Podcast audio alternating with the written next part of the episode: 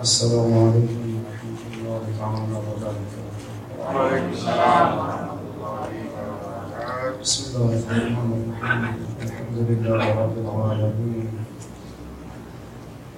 وصلى الله على سيدنا ونبينا وحبيب القاسم المصطفى محمد اللهم صل على محمد وعلى محمد. اللهم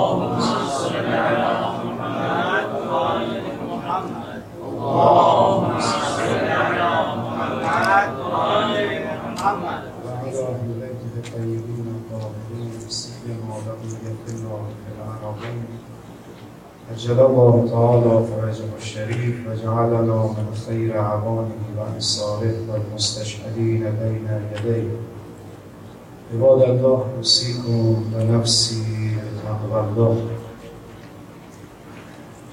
نسأل الله تبارك وتعالى أن يوفقنا للتجنب عن محارمه وعما نهى عنه. وأن نأتي ونقوم بواجباته وأن نتخلى عن كل ما يسخط الله تبارك وتعالى Bismillahirrahmanirrahim. Bismillahirrahmanirrahim. Eh, Setelah beliau panjatkan puja puji syukur kehadirat Allah Subhanahu wa taala dan salawat salam kehadirat junjungan besar Nabi Muhammad sallallahu alaihi wasallam. Beliau mengingatkan tentang isi penting khutbah Jumat untuk senantiasa meningkatkan takwa kepada Allah Subhanahu wa taala, menjalankan seluruh perintah Allah dan menjauhi segala larangan dari Allah Subhanahu wa taala dan berusaha semaksimal mungkin untuk berbuat seapapun yang diridai oleh Allah Subhanahu wa taala. کربلا دو چهره داشت یک چهره خشم وحشت و همه ضد اخلاق و ضد ارزش ها بود Karbala itu memiliki dua dimensi, dua wajah yang harus kita kaji dan analisa. Yang pertama sisi kerasnya, sisi ekstrimnya dan sisi yang anti akhlak. چهره دوم کربلا چهره ارزش ها صفات انسانی و اخلاق الهی بود Sisi yang kedua dari Karbala itu adalah sisi-sisi moralitas, sisi-sisi kemuliaan manusia dan kedudukan tinggi manusia. یکی از صفاتی که در کربلا تجلی پیدا کرد صفت حیا می باشد هم مردان کربلا و هم زنان کربلا اصحاب سید الشهدا علیه السلام و سلام اونها متخلبه به صفت حیا بودند Salah satu sifat moral akhlak yang amat menonjol pada peristiwa Karbala itu adalah rasa malu yang ditunjukkan dan ditampilkan oleh eh, para pria, wanita, anak-anak yang ada di Karbala. Sifat rasa malu ini merupakan salah satu sifat mulia dari akhlak manusia. از آنجا که ما در ماه محرم و ایام متعلق به کربلا هستیم این صفت از صفات آشورایی رو خدمت شما برادران و خواهران نمازگزار توضیح بدیم که دم از این برادر در بلند بکرم محرم. di mana di bulan-bulan ini, di hari-hari buka ini kita memperingati perjuangan dan apa yang dilakukan oleh Imam Hussein di Karbala. Dan salah satu sifat yang menonjol yang tampil di Karbala pada saat itu adalah sifat malu dan insya Allah pada kesempatan Jumat ini kita akan mengurai dan menjelaskan tentang sifat malu tersebut. والحياء هو صفة في شخصية الإنسان تمنعه من فعل القبيح أو من أن يقوم بما ينافي الأدب والأخلاق والتقاليد والأعراف السليمة. وبما ينافي حالة الاتزان التي ينبغي أن يتصف بها الإنسان المؤمن. حیا صفتی است اگر در انسان پیدا شد مانع می شود که انسان فعل قبیح و فعل ضد اخلاقی و فعل ضد ارزشی را انجام بدهد. Rasa malu atau yang disebut dalam bahasa Arab haya itu ketika kita ingin definisikan itu adalah sebagaimana disebutkan definisi tentang al-haya adalah sifat yang hadir dalam diri seorang manusia yang akan mencegahnya untuk melakukan perbuatan-perbuatan tercela dan yang bertentangan dengan adab, dengan akhlak dan kebiasaan yang diterima oleh manusia dan yang bertentangan dengan nilai-nilai kemanusiaan dan haya itu adalah sesuatu yang harus dimiliki seorang manusia yang beriman kepada Allah Subhanahu wa taala. وعن علي عليه الصلاة والسلام قال الحياء يصد عن فعل القبيح حیا مانع می شود که انسان فعل قبیح مرتکب بشود Sebuah riwayat dari Imam Ali alaihissalam yang menyebutkan bahwa rasa malu atau haya itu itu yang akan mencegah manusia untuk melakukan perbuatan-perbuatan buruk dan keji. الإنسان الذي لديه حياء عندما يريد أن يقوم على أم يقدم على أمر قبيح أو معيب يتغير وجهه ويشعر بالانكسار خوفا من الاقتراب من العيب فيبتعد بموجب الحياء عن ذلك الفعل. وقتی انسان حیا داشته باشه اگر بخواهد یک کار زشتی را انجام بدهد رنگ او عوض میشه بدن او میلرزه. حیا یک صفت درونی است اما در ظاهر و چهره و بدن انسان ظهور و تجلی پیدا Jadi seorang manusia yang memiliki rasa malu ketika dia ingin melakukan sebuah perbuatan keji atau mungkar atau tercela, maka raut wajahnya akan berubah, badannya akan bergetar dan akan merasa harus menghindar dari perbuatan-perbuatan tercela tersebut. Rasa malu ini adalah sifat yang mendasar dalam diri seorang manusia dan dia akan nampak secara lahir ketika seseorang ingin melakukan perbuatan tercela maka dia akan berubah wajahnya akan bergetar tubuhnya. انسان باید تلاش بکنه که این صفت حیا رو در درون خودش مستحکم کنه و قوی بکنه Setiap kita harus berusaha sedapat mungkin supaya rasa malu ini semakin mengakar dalam diri kita dan kita menjadikannya sebagai tameng dalam kehidupan kita. یک ارتباط و پیوندی بین حیا و ایمان هست یعنی کسی که حیا ندارد ایمان هم ندارد و کسی که ایمان دارد حیا داره Ada hubungan yang saling terkait antara rasa malu dan iman kepada Allah Subhanahu wa taala. Sedemikian sehingga disebutkan bahwa mereka yang tidak punya rasa malu maka mereka tidak punya iman. Demikian juga sebaliknya, tidak beriman orang yang tidak memiliki rasa malu. Ada keterkaitan yang saling terjalin di antara keduanya. از امام صادق علیه السلام روایت شده لا ایمان لمن لا حیا له کسی که حیا ندارد ایمان هم ندارد Sebuah riwayat dari Imam Shadiq alaihissalam disebutkan bahwa tidak ada iman bagi mereka yang tidak memiliki rasa malu.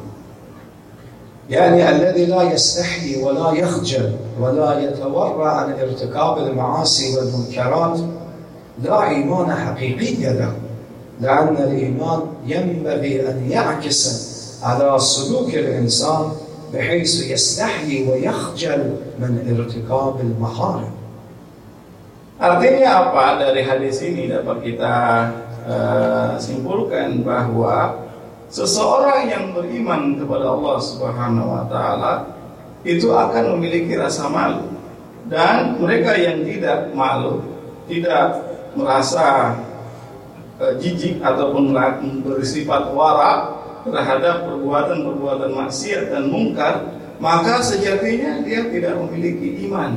Dia tidak memiliki kepercayaan dan keyakinan kepada Allah Subhanahu wa taala. Dan sudah seharusnya bagi orang yang beriman kepada Allah itu harus memiliki rasa malu dan dia harus terrefleksi dalam perbuatannya, dalam kesehariannya. Dan ketika dia melakukan maksiat, melakukan perbuatan mungkar maka dia akan merasa malu.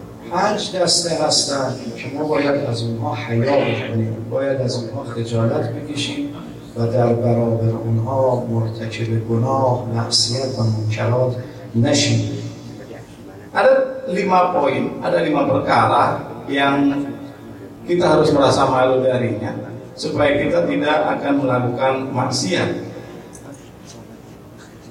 والحياء يجب أن يكون أولا من الله تبارك وتعالى. لأن الله تبارك وتعالى يطلع على كل التصرفات وخفاياه الإنسان إذا أراد أن تعصي الله تبارك وتعالى لابد أن يعرف بأن الله تبارك وتعالى يراه. Yang pertama harus merasa malu dari Allah Subhanahu wa taala. Dan dia tahu karena Allah Subhanahu wa taala tidak ada yang tersembunyi, tidak ada yang tersembunyi di sisi Allah Subhanahu wa taala dan dia mengetahui baik yang lahir ataupun yang tersembunyi. Sehingga ketika seseorang merasa malu dari Allah Subhanahu wa taala, maka ketika dia ingin bermaksiat, dia tahu bahwa Allah melihatnya, Allah mengetahuinya sehingga dia tercegah dari perbuatan maksiat kepada Allah Subhanahu wa taala. قيل للنبي صلى الله عليه وآله وسلم أوصني يا رسول الله فقال صلى الله عليه وآله وسلم استحي من الله كما تستحي من الرجل الصالح من قومك یک کسی به پیامبر گفت مرا نصیحت کنید. حضرت فرمودن همون گونه که از دوستان خودت اقوام خودت خجالت میکشی حیا میکنی از خدا هم خجالت میکشی حیا کن. Seseorang datang kepada Nabi Muhammad Sallallahu Alaihi Wasallam minta nasihat dan beliau berkata bahwa nasihatilah saya wahai baginda Nabi dan Nabi berkata tanamkanlah rasa malu pada dirimu dari Allah Subhanahu Wa Taala sebagaimana engkau tanamkan rasa malu kepada seseorang yang ada di sekitarmu atau yang ada di lingkunganmu.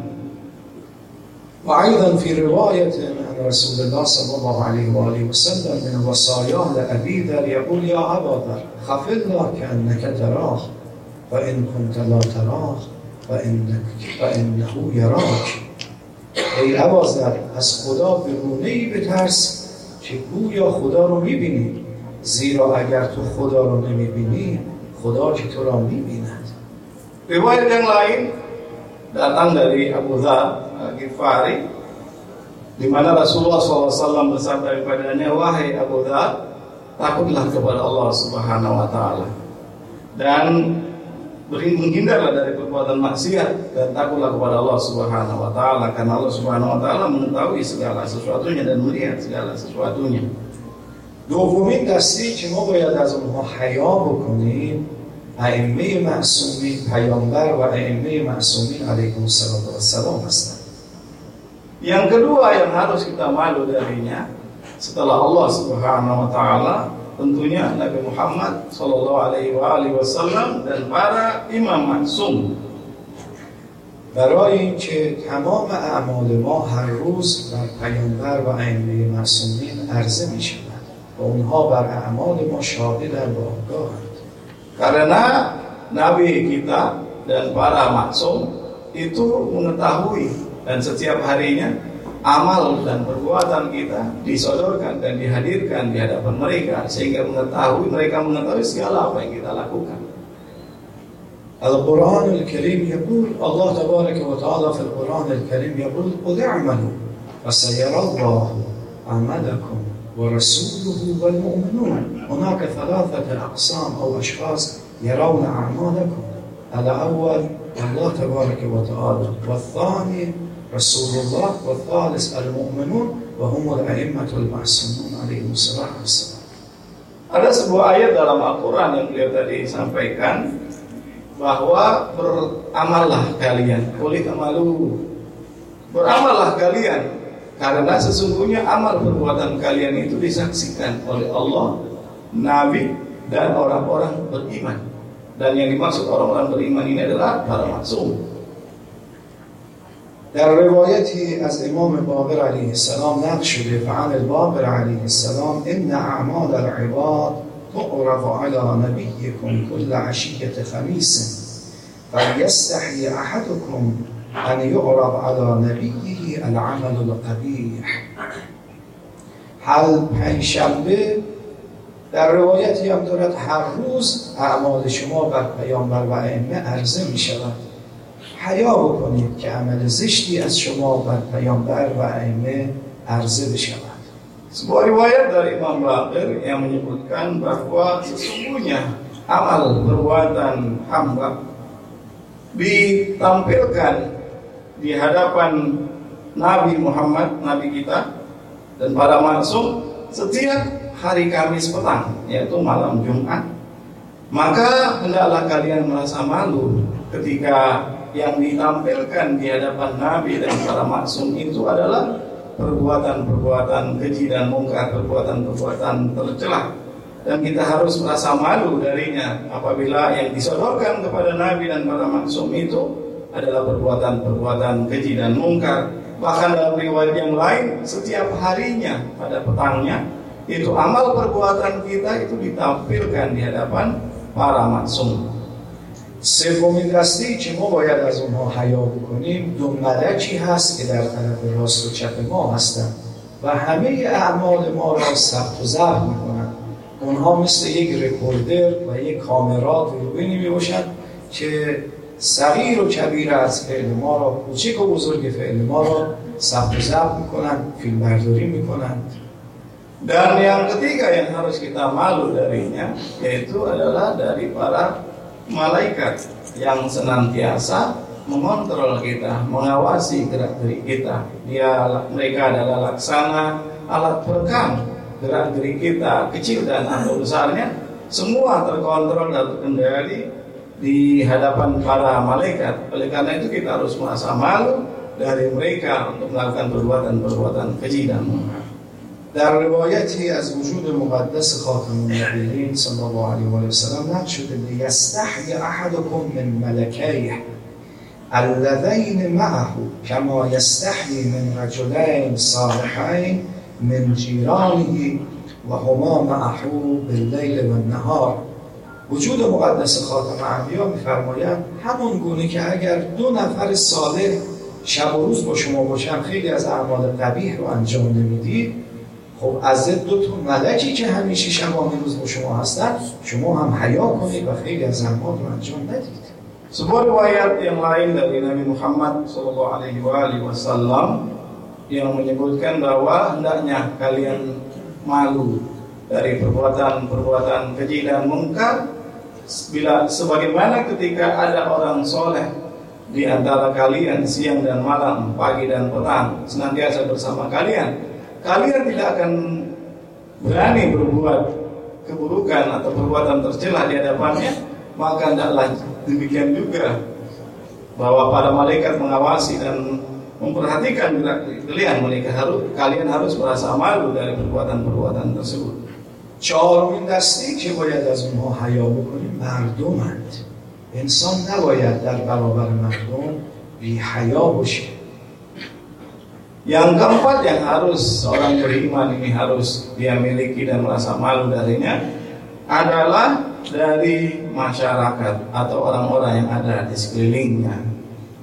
در روایت داریم از وجود مقدس امیرالمؤمنین علیه السلام فرمودن من لم یستحی من الناس لم یستحی من الله سبحانه و تعالی کسی که از مردم خجالت نکشه و حیا نکنه از خدا هم حیا نمی‌کنه و خجالت نمی‌کشه Ada sebuah riwayat yang dibacakan dari dari Imam Ali alaihissalam yang menyebutkan bahwa barang siapa yang tidak merasa malu dari masyarakat dari manusia maka sesungguhnya dia tidak memiliki rasa malu dari Allah Subhanahu wa taala. اگر خدای ناکرده کسی مجبور شد یک قبیهی رو مرتکب بشه سعی کنه در برابر مردم انجام نده پرده دری نکنه و قبح معصیت رو آشکار نکنه Kalaulah harus terpaksa melakukan perbuatan buruk, tercela, maka janganlah kalian melakukan perbuatan itu di hadapan umum secara terang-terangan. Jangan biasakan melakukan perbuatan-perbuatan keji dan mungkar di hadapan orang yang melihatnya. Hendaklah kalian kalau memang terpaksa harus melakukan perbuatan itu secara diam-diam dan tidak ketahuan oleh orang lain. پنجمین گروهی که باید از اونها حیا کرد خود نفس انسانه نفس انسان روح انسان. انسان از نفس خودش از خودش خجالت بکشه. در تعبیر عوام هم داریم میگیم از خودت خجالت بکشی. در روایتی از امیر المؤمنین علیه السلام هست فرمودن احسن الحیا استحیاء من نفسک. بهترین حیا اینه که انسان از خودش حیا بکنه. Dan yang kelima yang harus seorang beriman malu darinya yaitu malu terhadap dirinya sendiri. Sebagaimana sering kita dalam pergaulan sehari-hari, kalau engkau tidak merasa malu terhadap orang lain, maka malulah terhadap dirimu sendiri. Ahsinil haya istahyuka min nafsik. Sebagaimana riwayat yang tadi disebutkan dari Imam Ali alaihissalam.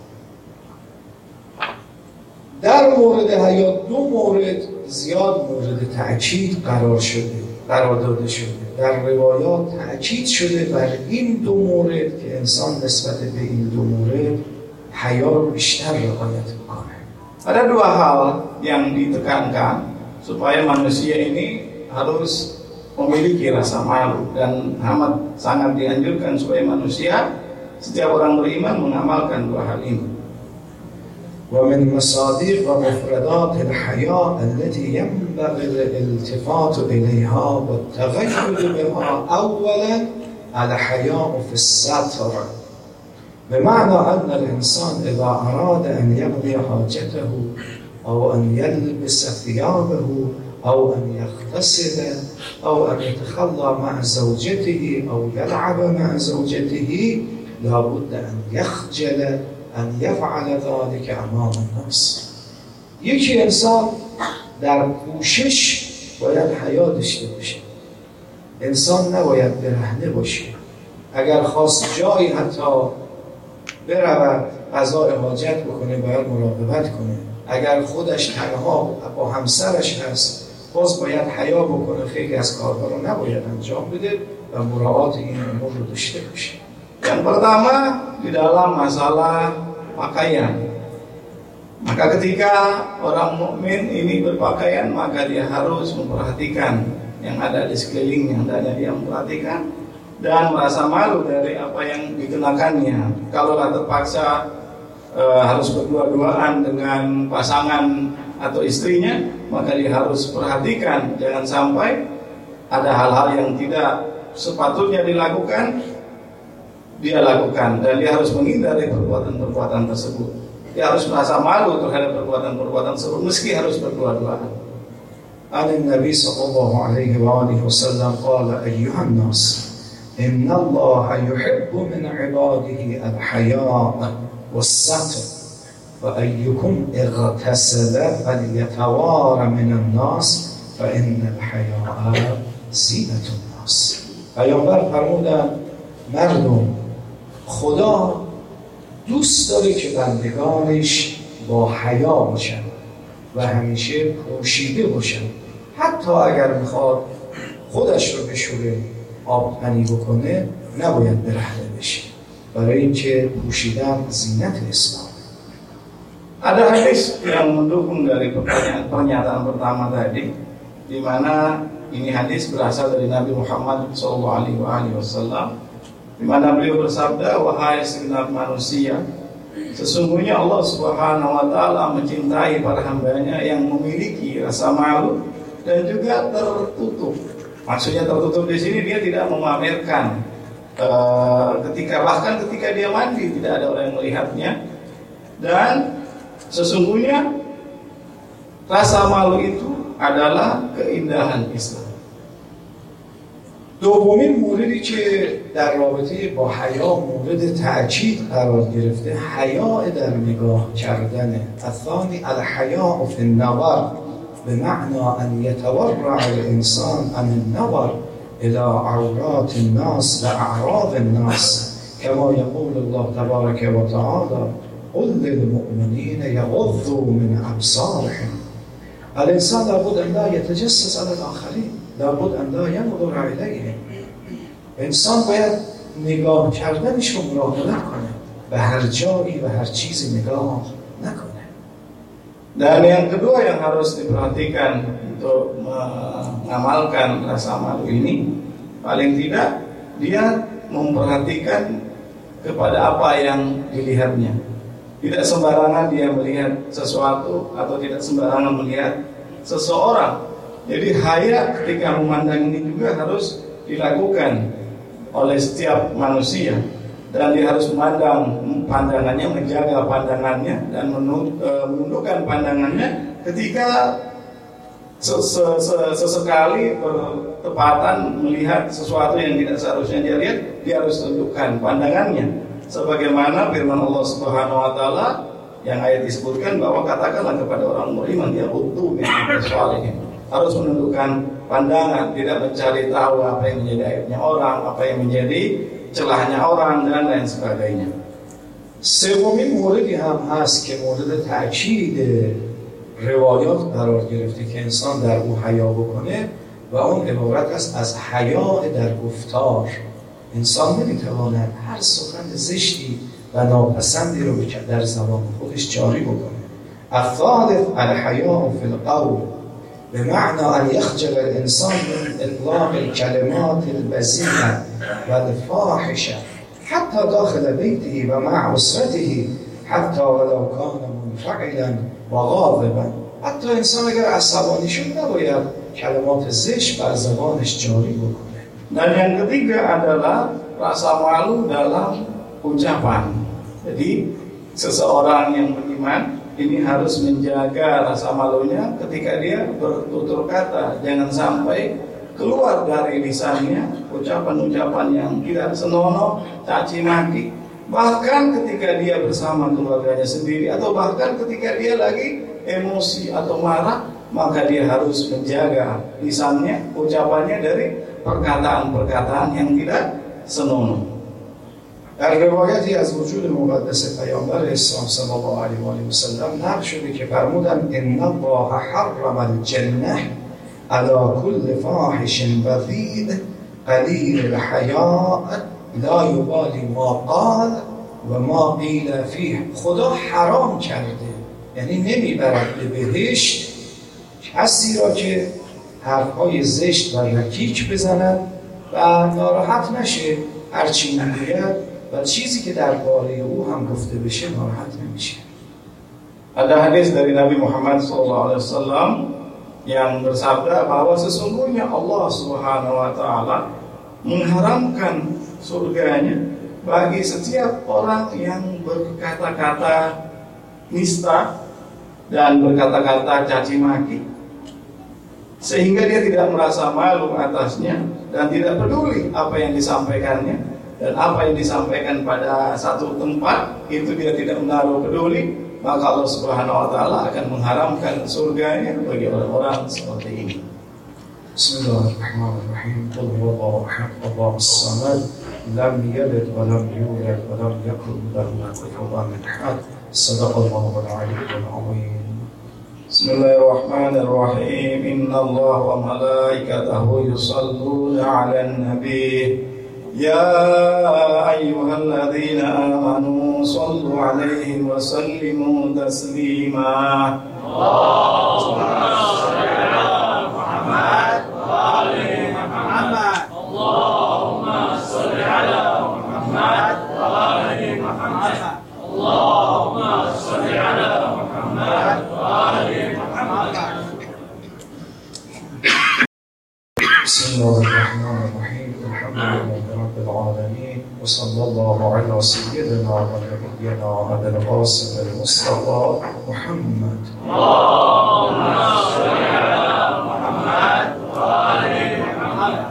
اللهم صل على محمد وآل محمد اللهم صل على محمد وآل محمد وعلى أهل بيته الطيبين الطاهرين المظلومين المعصومين الهداة المهديين سيما ابن أمه وكاشف سره ومبلغ رسالات علي أمير المؤمنين وعلى ابنته فاطمة الزهراء سيدة نساء العالمين وعلى ولديه الحسن والحسين سيدي شباب أهل الجنة وعلى علي بن الحسين ومحمد بن علي وجعفر بن محمد وموسى بن جعفر.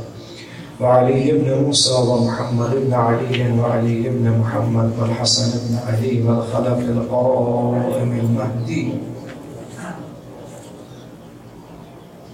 وجدك على عبادك وأمنائك في بلادك اللهم صل وسلم وزد وبارك على محمد وآل محمد.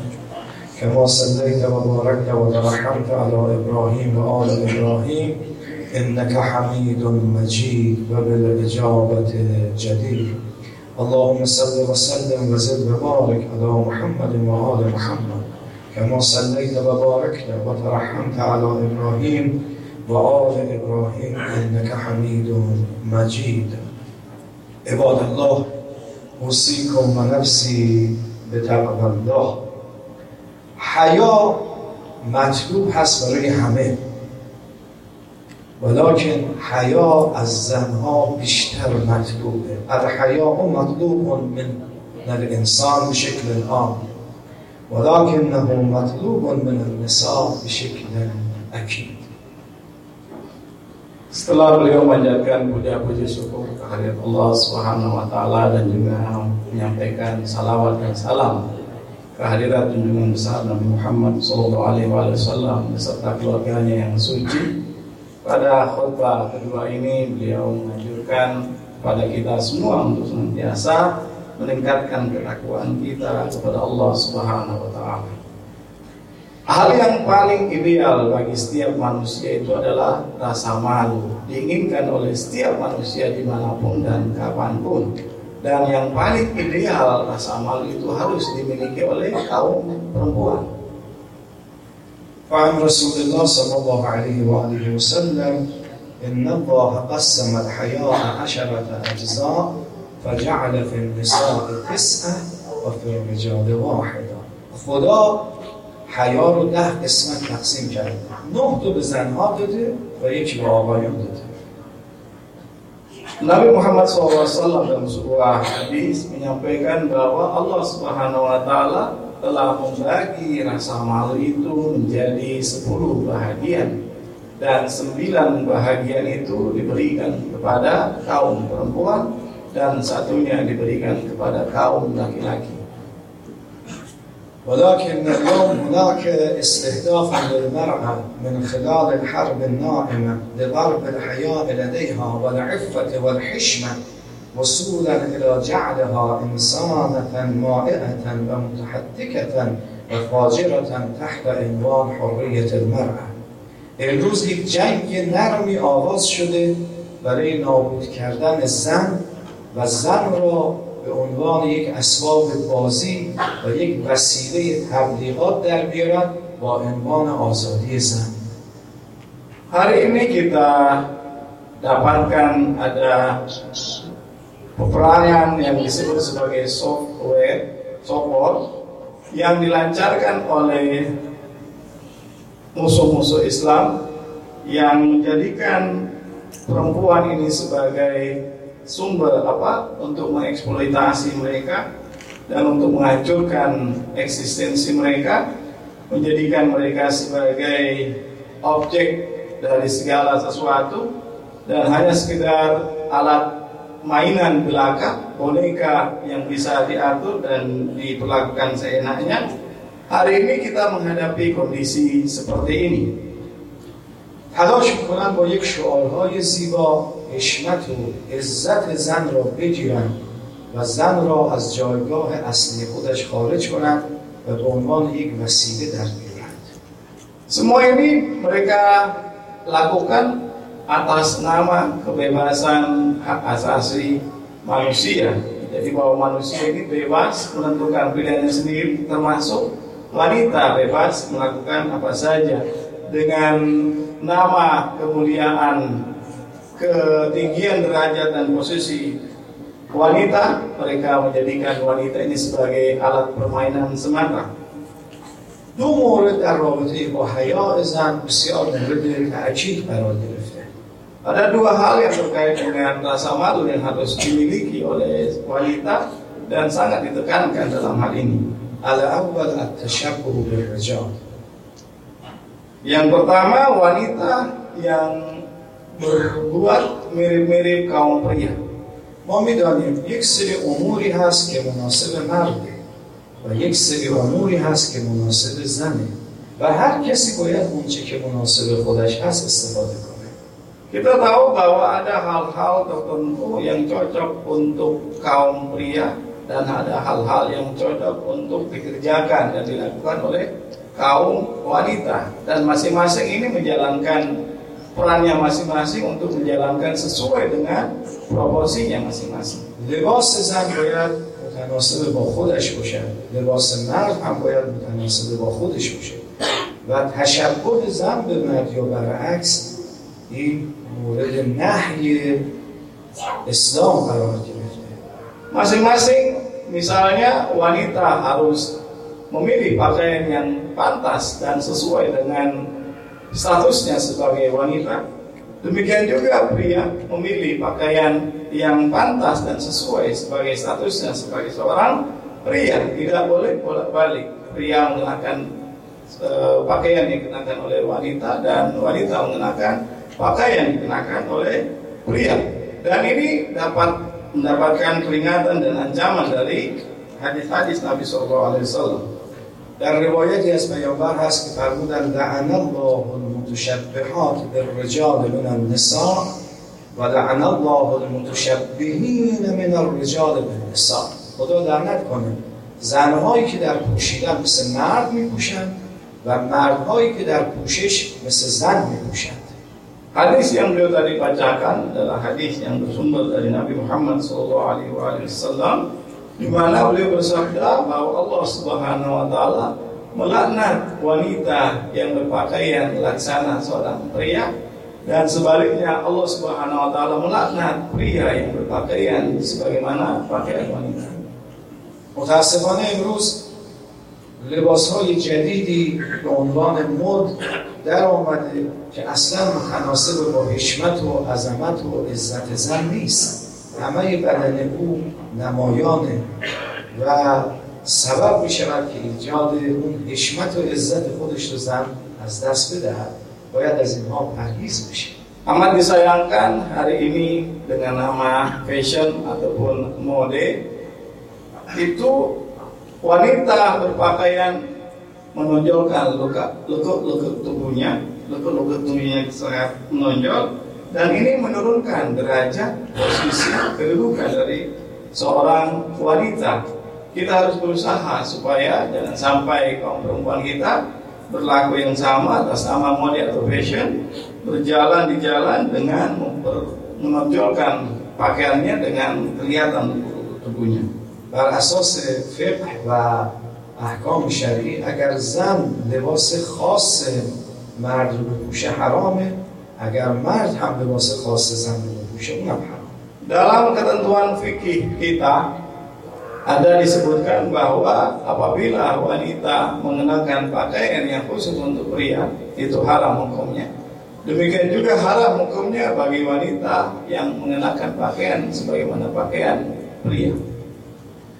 دومین موردی که مورد تأکید قرار گرفته برای حیاء زن عبارت است از اختلاط الاختلاط و سلوک بعض الفتیات و بعض الفتیان الذين لم تعد هناك حواجز ولا حدود في العلاقة بينهما اليوم نجد أن الشاب الشاب والشاب يخرجان من البيت إلى الجامعة إلى الشارع ويتحدثان بما يشاء ويجلسان ويتكلمان بما يشاء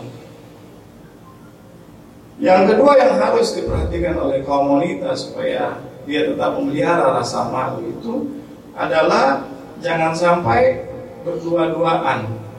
Jangan sampai mereka berjalan, duduk, berbicara berdua-duaan.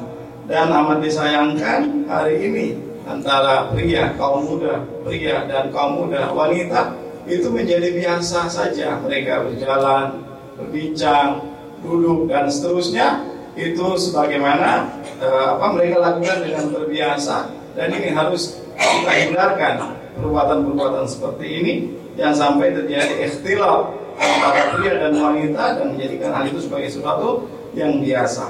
Dokter besar kohak ke urtu Anak pria dan anak wanita sama-sama pergi melakukan semacam rekreasi ataupun ataupun keluar kota.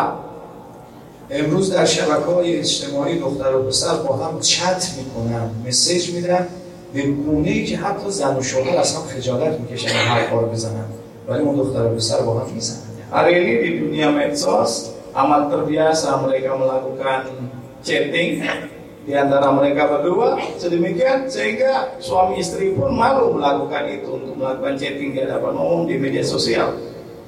اليوم إذا أردنا الخير لأنفسنا ولأولادنا لابد لنا من أن نربي أنفسنا وأولادنا على الحياة والعفة اگر خیر دنیا و آخرت می‌خوایم برای خودمون برای فرزندانمون اگر آینده سعادت مندی برای فرزندانمون و خودمون می‌خوایم باید تأکید بکنیم بر حیا و عفت Hari ini kalaulah kita ingin kebaikan, kebahagiaan dan keselamatan dunia dan akhirat, maka kita harus memberikan gemblengan tarbiyah kepada diri kita, kepada anak-anak kita, kepada perempuan kita untuk menjadikan rasa malu itu sebagai tameng, sebagai alat pelindung